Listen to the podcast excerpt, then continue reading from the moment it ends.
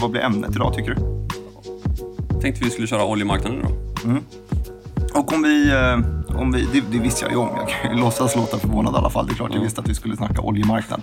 Eh, Om vi börjar beskriva vad, hur ser oljemarknaden ut? Går det att ge ett breda penseldrag? Eh, Ja, i grund och botten idag så har vi väl två stora fundament. Den ena bestående av OPEC, eh, 14 länder som har gått ihop. Den känner man ju till ju. Ja, precis. Företrädesvis Mellanöstern ju. Mm. Men även vissa andra länder och i eh, Afrika, Sydamerika. Eh, Venezuela är ju en av de en betydande medlem. Mm. Sen så har vi ju den fria marknaden av de den gamla, alltså OPEC är en kartell och sen så har vi den gamla kartellen då som är de västerländska oljebolagen. Kan man räkna att de är en kartell också? De kommer också överens om priser. Visst är det definitionen på, på en kartell? Att Ja, de det är det. liksom bestämmer priser. Inte längre. Nu är ju kartellen fullt ut OPEC eftersom att det är de som sitter på så mycket. De sitter på 80 procent drygt av världens oljereserver. Så att det är de som styr priset. Och man styr priset, inte, nu lät det ju som att man just sätter pris, men visst styr man pris genom att man, man bestämmer utbudet. Eftersom Mm. pris, om vi går liksom ända vägen bak till nationalekonomiska teorier, så styrs ju pris av utbud efterfrågan. Mm. Efterfrågan kan man inte göra så mycket av, men utbudet, det kan man styra. Och, och sänker man utbudet, då höjs ju priset och, Mm. och vice versa. Så det är så de styr marknaden. Kul liten, liten inledning. Vad, vad är historien bakom OPEC?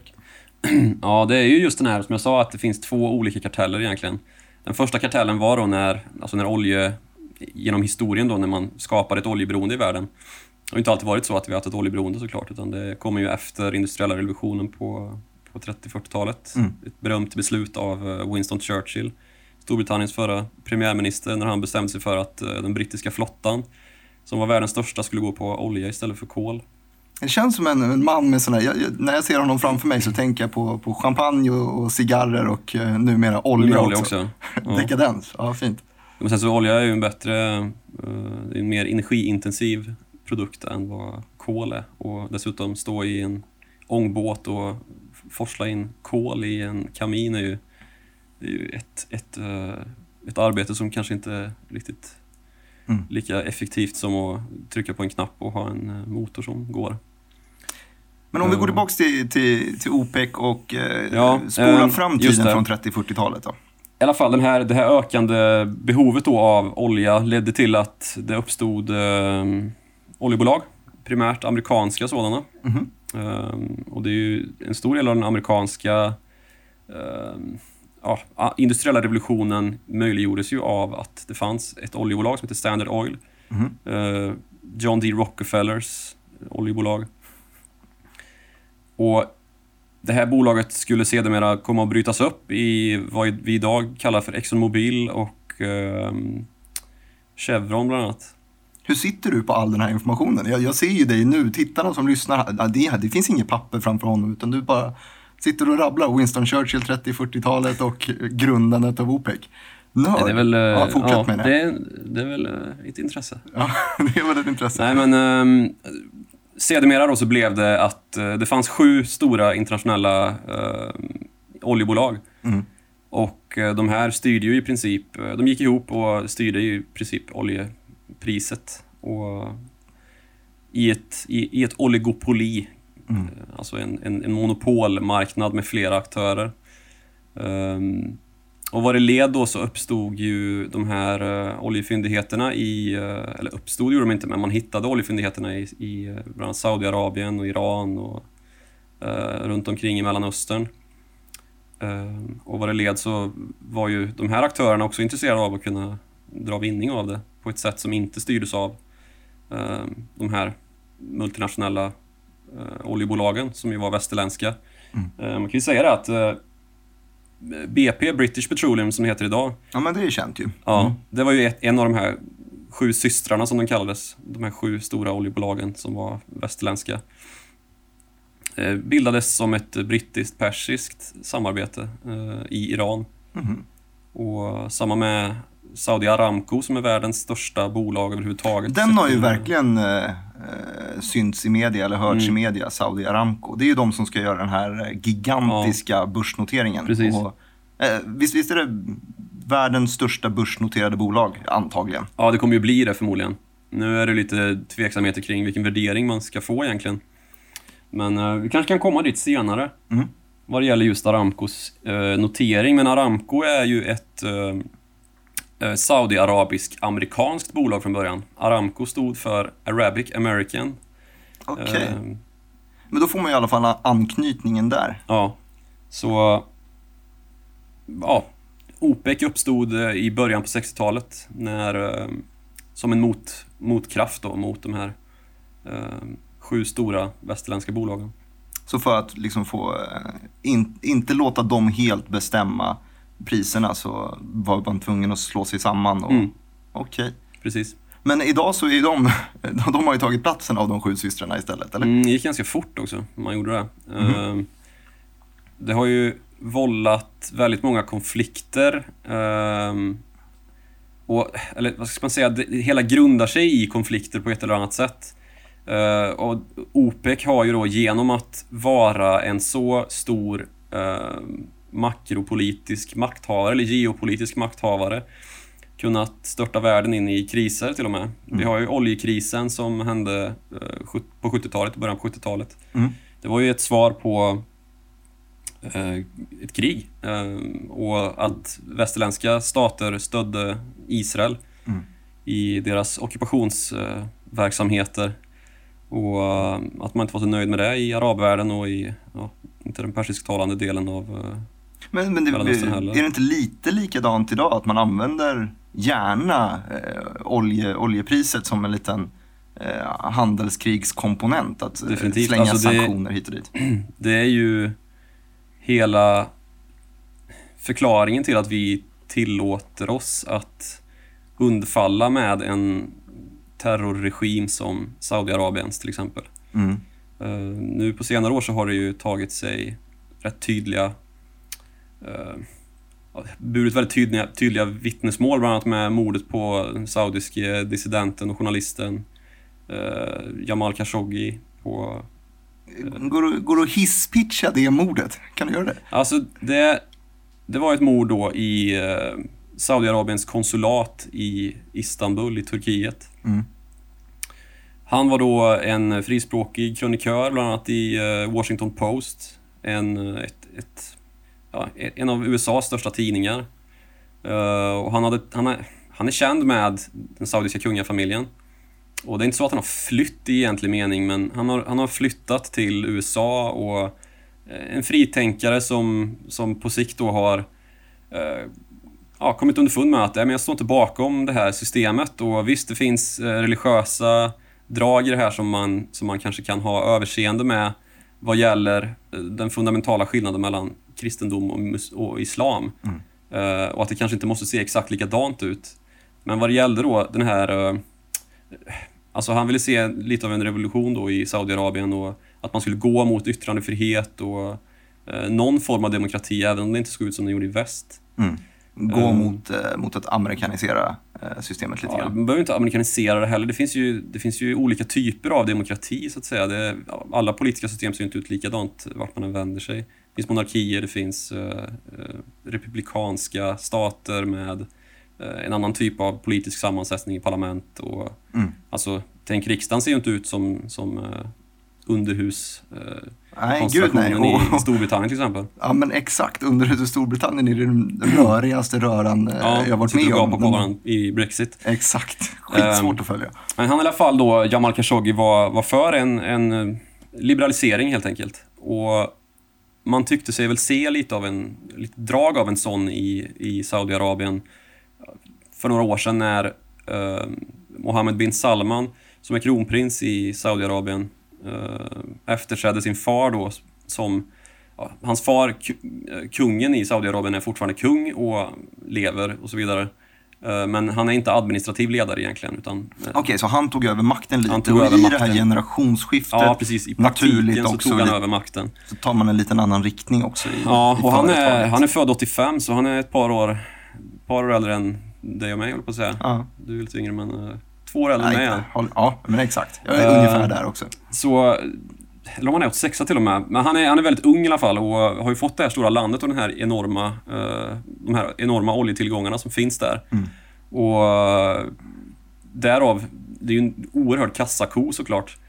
Och eh, fick för sig då att ja, men jag ska nog ställa om det här landet. Men i och med att det politiska systemet i Saudiarabien inte riktigt tillåter en ska man säga, snabb turboliberalisering eh, och dessutom samtidigt som det ska ske någon typ av, eller i, med någon typ av eh, effektivitet då, så eh, ja, det politiska ledarskapet är skilt från det religiösa ledarskapet i Saudiarabien. Mm. Och de, de religiösa ledarna har ju inte gått med på att Det känns som att historien har upplevt samma typ av krockar Ja, förut. det är, väl, det är verkligen så att eh, historien lever igen alltså. Mhm. Men... ehm, ja, Jamal Khashoggi vill ju se den här, vill ju se att det här snacket då från... Vänta, är vi fortfarande på hisspitchen förresten? Ja, Ja, det, okej. ja, det, ja, Fortsätt med det sa något. Det var en seg hisspitch. Men ehm, det som Khashoggi då ville se var att det här verkligen skulle ske då. Och han tog sin journalistiska roll på allvar och såg, såg igenom då att det här är ju det här är ju rök och skådespel, det här är, stämmer ju inte. Det finns ju ingen liberalisering i den omfattning som det talas om här.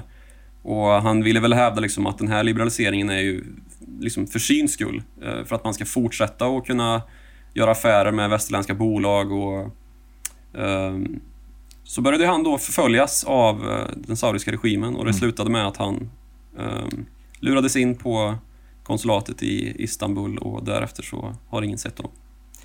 Mörkt. Mm, väldigt Jäkligt mörkt och regimen har ju till och med tagit på sig mordet. Mm. Men eh, om, om vi ska koppla det här till, vi började ju i oljemarknaden. Jag vill fortsätta i oljemarknaden. Det här, Mm. det här programmet hoppas ju i alla fall att man ska följa pengarna, follow the money heter Mm. ju till och med programmet. Eh, genom ett resonemang och slutligen så ska vi koka ihop det här till någon form av eh, koppling till eh, förhoppningsvis Stockholmsbörsen och, Mm. och företagen där. Så att vi, vi leder oss vidare till eh, OPEC idag då. Ja, men om vi ska bara följa upp det här med mitt lilla spår om att det finns en väldigt intressant eh, eh, koppling mellan att, att det kan vara så här vidrigt som Saudiarabien och många av Gulfländerna är Mm. och att vi ändå accepterar på något vis. Eh, vi köper deras olja, vi eh, säljer våra vapen till dem. Eh, det består i oljemarknaden. Mm. Utan oljemarknaden så hade den globala ekonomin kollapsat. Det är fortfarande så Så, enkelt idag, är det. alltså. Ja, Det är blåser ju väldigt mycket miljövindar men det är fortfarande långa vägar att gå tills vi... Ja, och det är också en väldigt intressant aspekt av det hela, att det får fortsätta så här. Eh, för Saudiarabien och OPEC, eh, Saudiarabien är den klart största, eh, man har liksom tio gånger mer än någon annan medlem i OPEC vad det gäller De oljereserver. producerar så mycket alltså. Ja, eller, eller åtminstone så har de, de pro- producerar absolut mest, men de har också världens näst största eh, oljereserv på 300 miljarder fat Ja, det olja. säger mig ingenting men det låter jäkligt mycket. Det är väldigt mycket. Man kan säga att den, den globala eh, oljeefterfrågan en vanlig dag är någonstans mellan en och två miljoner, miljoner fat olja. Så att de skulle kunna försörja, eh, snabbt räknat nu, hela världen med olja i ett halvår åtminstone, eller? Ish. Väldigt mycket mer än så. Eh, Aha. 300 miljarder Oj, fat. ja, okej. Ja, Miljoner hörde jag. Ja, precis. Ja, okej, så att... Så okej. det, man skulle kunna försörja jorden med olja ja, för evigt nästan. det, det, och dessutom så är det ju så att alltså, i praktiken så är ju OPEC och Saudiarabien väldigt rädda för att det ska leda till den här utvecklingen då mot en mer klimatneutral tillvaro ska leda till att eh, ja, Världen inte behöver dem längre. Precis, vi behöver ju inte olja längre. Vi klarar oss ju utan den. Mm. Och det är också en väldigt bister funktion av OPEC, att man justerar ju priset av den anledningen också. Mm. Om det skulle bli så att någon imorgon kom på en energiteknik som helt kringskar oljan, så skulle ju... Skulle man konkurrera ut den skulle- genom att bara flöda ut olja på marknaden och Ja, göra det precis. jättebilligt? Det, det har vi ju... Det, det finns ju gott om exempel på att, eh, att, man, att man faktiskt agerar på det sättet. Mm. Och sen kan man ju säga vad man vill om att de har eh, vissa liksom eh, scenarier där det här händer och vissa scenarier där det inte händer i deras prognoser. Men det, det, är fort, det är aldrig så att, att man helt är utslagen såklart. Utan man ser ju en tillvaro där olja fortfarande kommer behövas. Och den, det scenariot är rimligt också. För man använder inte bara olja till att köra bil på eller smörja motorer. Utan det är också i tuggummi liksom. Det, Mm. det, är, en- det är en konsumentvara i stort och smått. eh, som man använder i, i nästan all tillverkning. Och skulle det bli superbilligt så skulle man säkert hitta ännu fler användningsområden också. Ja, absolut. Men jag tror väl att, att uh, oljeutfasningen kommer ske liksom, och att eh, den, är, den är i vardande. Men den kommer inte gå så fort som ja, många kanske tror. Mm. Alltså en grej som jag, eh, jag läste en artikel bara om, om oljan, om jag får bidra med kunskap här, eller på, påstådd kunskap. Eh, så la Saudi Aramco en prognos om att man inte än har nått peak oil, utan Mm.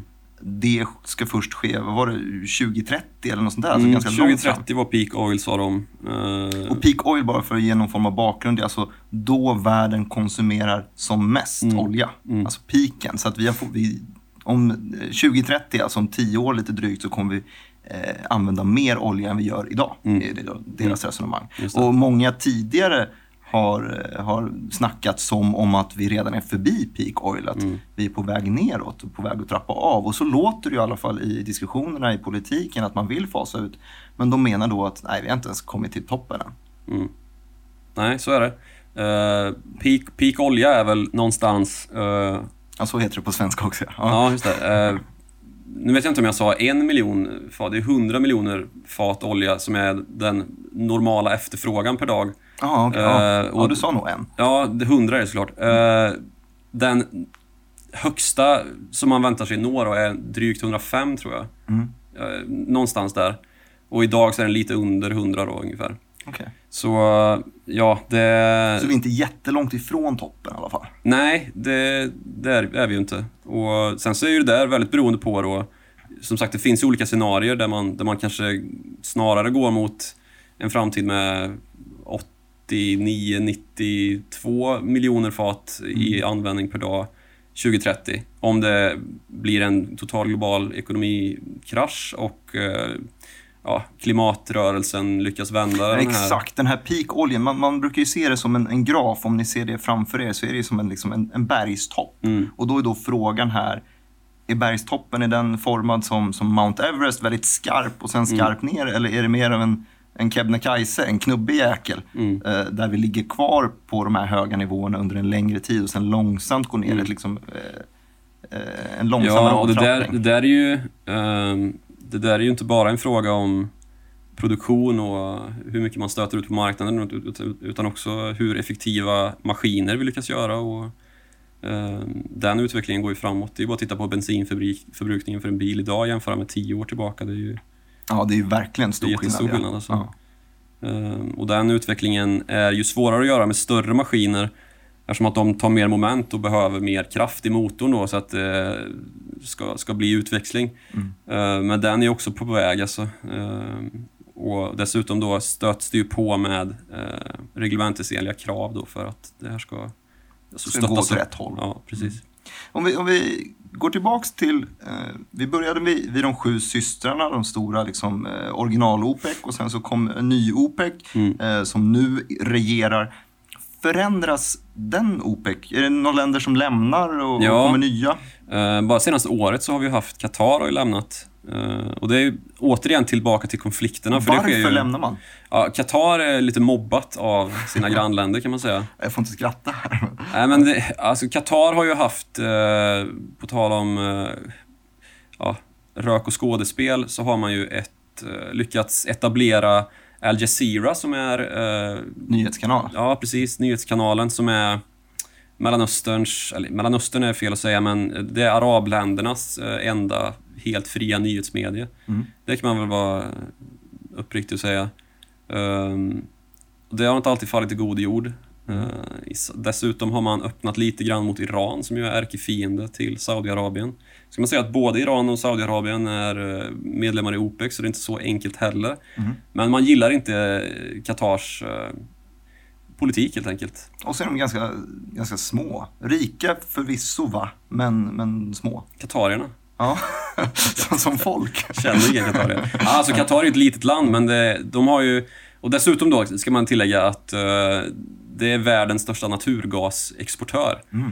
Uh, så de vill väl satsa mer mot naturgasen, men sen också Kontrollerar, att man... eh, riktig noob-fråga, men kontrollerar OPEC även naturgasutbudet? Nej, det är olja. Det är bara olja. Mm. Japp.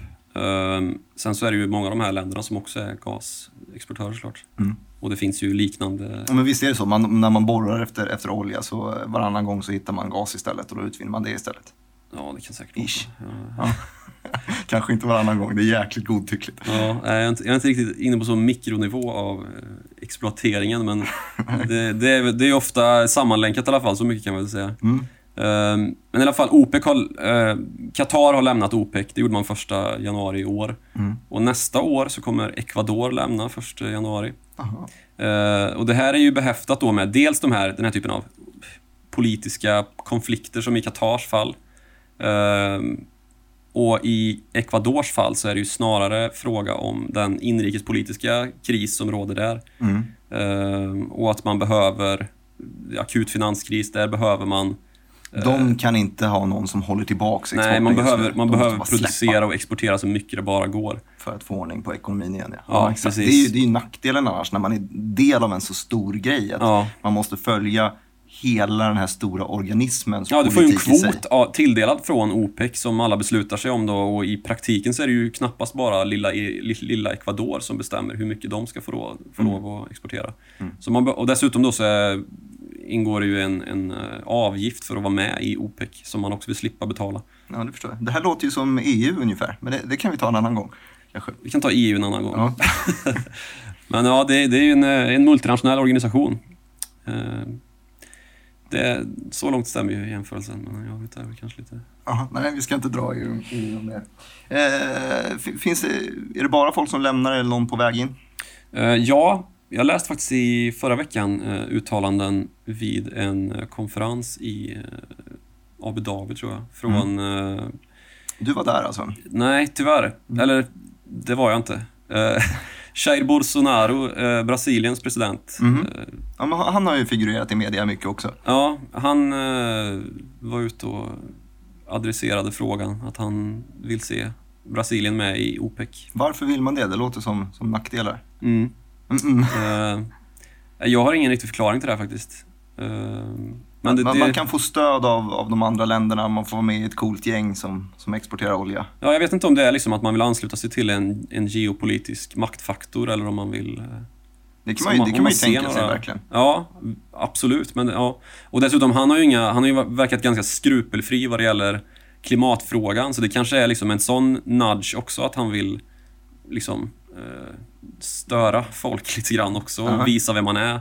Mm. Men rent... Men får man inte tillgång till Ja, det kan... utmärkta Precis, det exportkanaler? skulle kunna vara så, men... Får Ja, man liksom ta över grannländerna som lämnar dem? Och- ja, men jag har fortfarande väldigt svårt att se varför, liksom, vad är uppsidan för en ekonomi som Brasilien, som dessutom är en, en fri, öppen marknad. Mm. Ehm, Att alltså- helt plötsligt begränsa sig till en speciell kvo- kvot. Ja, och Men de, någonting de som- skulle ju må bra av ett, eh, ett högt oljepris i och för sig. Ja, fast då, då, alltså då man press, samtidigt så pressar man ju sin egen del då eftersom att man pressas oljepriset så eh, genom att du sänker eh, utbudet. Mm. Så visst, du kan driva upp eh, marginalen men du kan ju inte exportera lika mycket.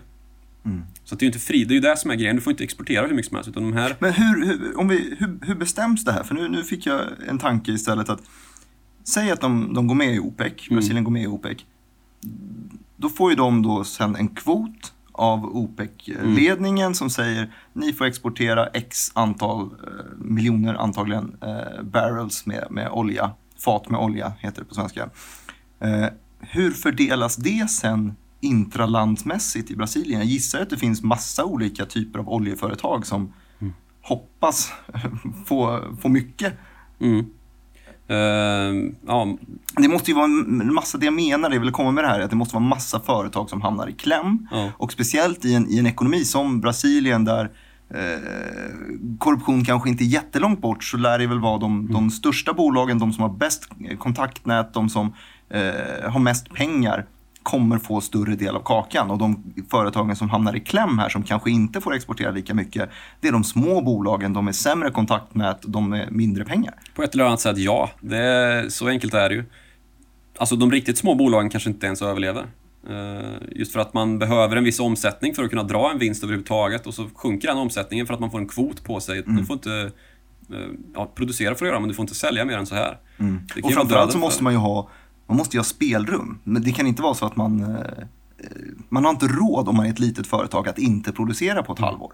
Medan en stor jätte har säkert lite så pengar i kassan och klar, överlever ja, även om det är jobbigt. Ja, och det är det som är så lurigt med då att man sätter in eh, fria ekonomiers eh, oljebolag i det här OPEC-systemet. Eh, för alla de här OPEC-medlemsländerna är i princip oljebolagen där i de länderna är helt statliga. Mm. Aramco är ju då helt statligt. Mm. Uh, det finns motsvarigheter då i... Uh... Men snart kanske inte helt statligt då om, om de gör en IPO Nej, och hamnar precis, på New York-börsen. Det, det stämmer och det är också en diskussion som har förts väldigt mycket. Liksom hur, hur blir det här? Och Eh, att man försöker liksom blanda två olika marknadstänk och kommer det funka?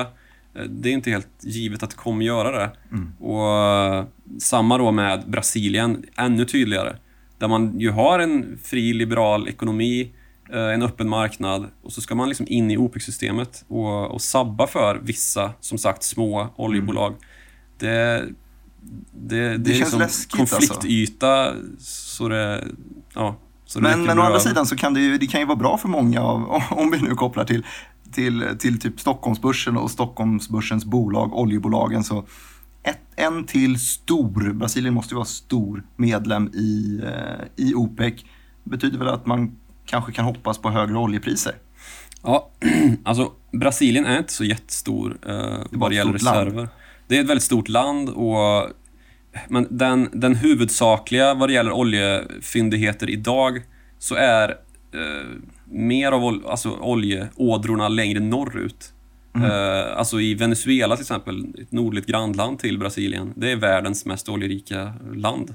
Mm. Det är många som inte vet. Eh, Där är det ju kaos också, eller har varit? Ja, fullständigt kaos. Och det är ju lite det här oljans eh, det är både en välsignelse och, och ett Ja, men det finns något, något eh, nationalekonomiskt eh, begrepp för det där ja, också. Precis. Detsamma gäller ju Afrika. Att man har, det är ju världens mest naturresursrika regioner, men det är fullständig det utplåning och arm, utarmning och mm. ja, ständiga konflikter. Uh, och I Venezuelas fall så är det ju också ett statligt oljebolag som uh, har utnyttjats för korruption och som nu är i princip helt förstört. Mm. Ehm, men det är i alla fall världens mest oljerika land. Och det är ett ganska litet land.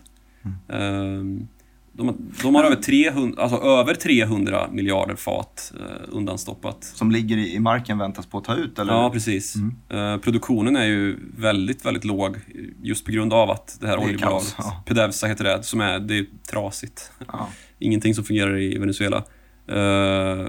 Eh, och näst efter där så kommer Saudiarabien som ju är till ytan mycket större men ja, eh, som ju har en mycket mer välfungerande eh, produktionskapacitet. Ja, verkligen. Det såg man ju inte minst. En liten eh, förbistickare här när vi hade en oljeattack på mm. de här stationerna i Saudiarabien. Mm. Det var alltså typ supersofistikerade missilattacker mm. på produktionsanläggningar. Mm. Och de var bara nere i några veckor, sen så mm. funkade produktionen igen.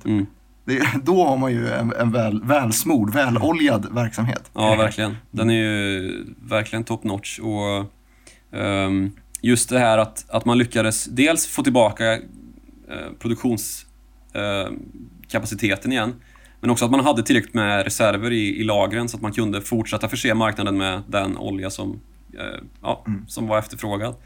Det var ju många som imponerades av. Och sen så är det där lite av ett svart hål också, för det är ingen som vet hur mycket Eh, reserv, alltså reserv uppe på marken som eh, Saudiarabien faktiskt har. Ja, när du säger reserv annars, då är det liksom Ja, alltså möjlighet reserv att som i utvinna. att, ja, precis, att det finns att utvinna jag, jag såg marken. ju framför mig en, liksom, en Globen fylld med olja Ja, bara, nej, eller några det, tusen. det ska man vara noga att säga då att eh, i Venezuelas fall så är ju rikedomarna fortfarande i marken. Mm. Men det är då som man har konstaterat eh, i prospektering att här finns det så här mycket olja.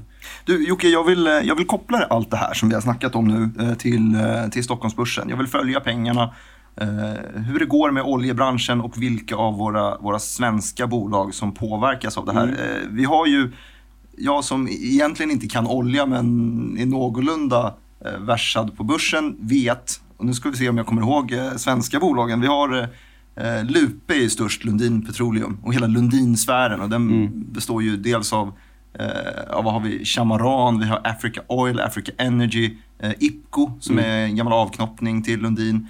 Eh, Inte så gammal heller. nej, inte, inte så gammal, eh, som är en avknoppning Mm. till Lundin. Och sen så har vi typ, eh, vi har Enquest, vi har eh, Tettis Oil, Mm. Maha Energy. Mm. Eh, massa av de här gemensamma nämnaren av alla de här bolagen, Mm. det finns säkert många fler också som jag glömt, eh, är att det är ett sånt otroligt intresse. Alltså Mm. kollar man aktieägarbasen så, så alltså oljebolagen har så, det är så många som, som gillar dem. Jag tror att det är en, en lätt verksamhet att förstå. Man, man liksom, okej, hur mycket olja suger de upp ur marken? Eller eh, hur mycket olja eh, har de möjlighet att hitta när de är här och, och söker efter olja? Det är så lätt att förstå hur pengarna görs. Det är liksom inte det här biotechbolaget som man bara får vänta och hoppas på och så blir det ett binärt ja eller konk. Eh, De här är ju det är så lätt att räkna på, på intäkterna. Och jag tror att det är det som gör att det blir superattraktivt att äga dem. Mm. För som sagt, ägarbasen, kollar man typ eh, Maha Energy, eh, 2 miljarder i, i börsvärde, ish, eh, har typ 6 000 ägare på Avanza, bara de. Mm. Alltså det, och, och sen så har de säkert lika många på Nordnet och lika många på, via andra depåer och så vidare. Men det är, det är sjukt intresse på dem. Verkligen sjukt stort intresse. Ehm, hur kommer de här liksom, bolagen påverkas? Är det bara olje...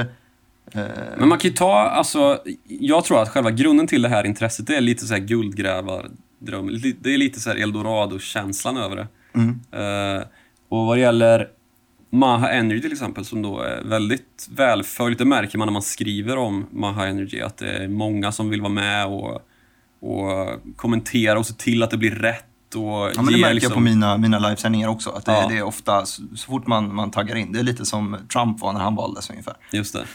Eh, men, men alltså att, eh, och just i Mahas fall tror jag det är att det inte bara är ett oljebolag utan de också har en, de vill, de vill förbättra eh, hur oljan används. Alltså jag har inte riktigt koll på själva produkten som de står för, eller lösningen som de står för. Men de vill ju dryga ut befintlig olje...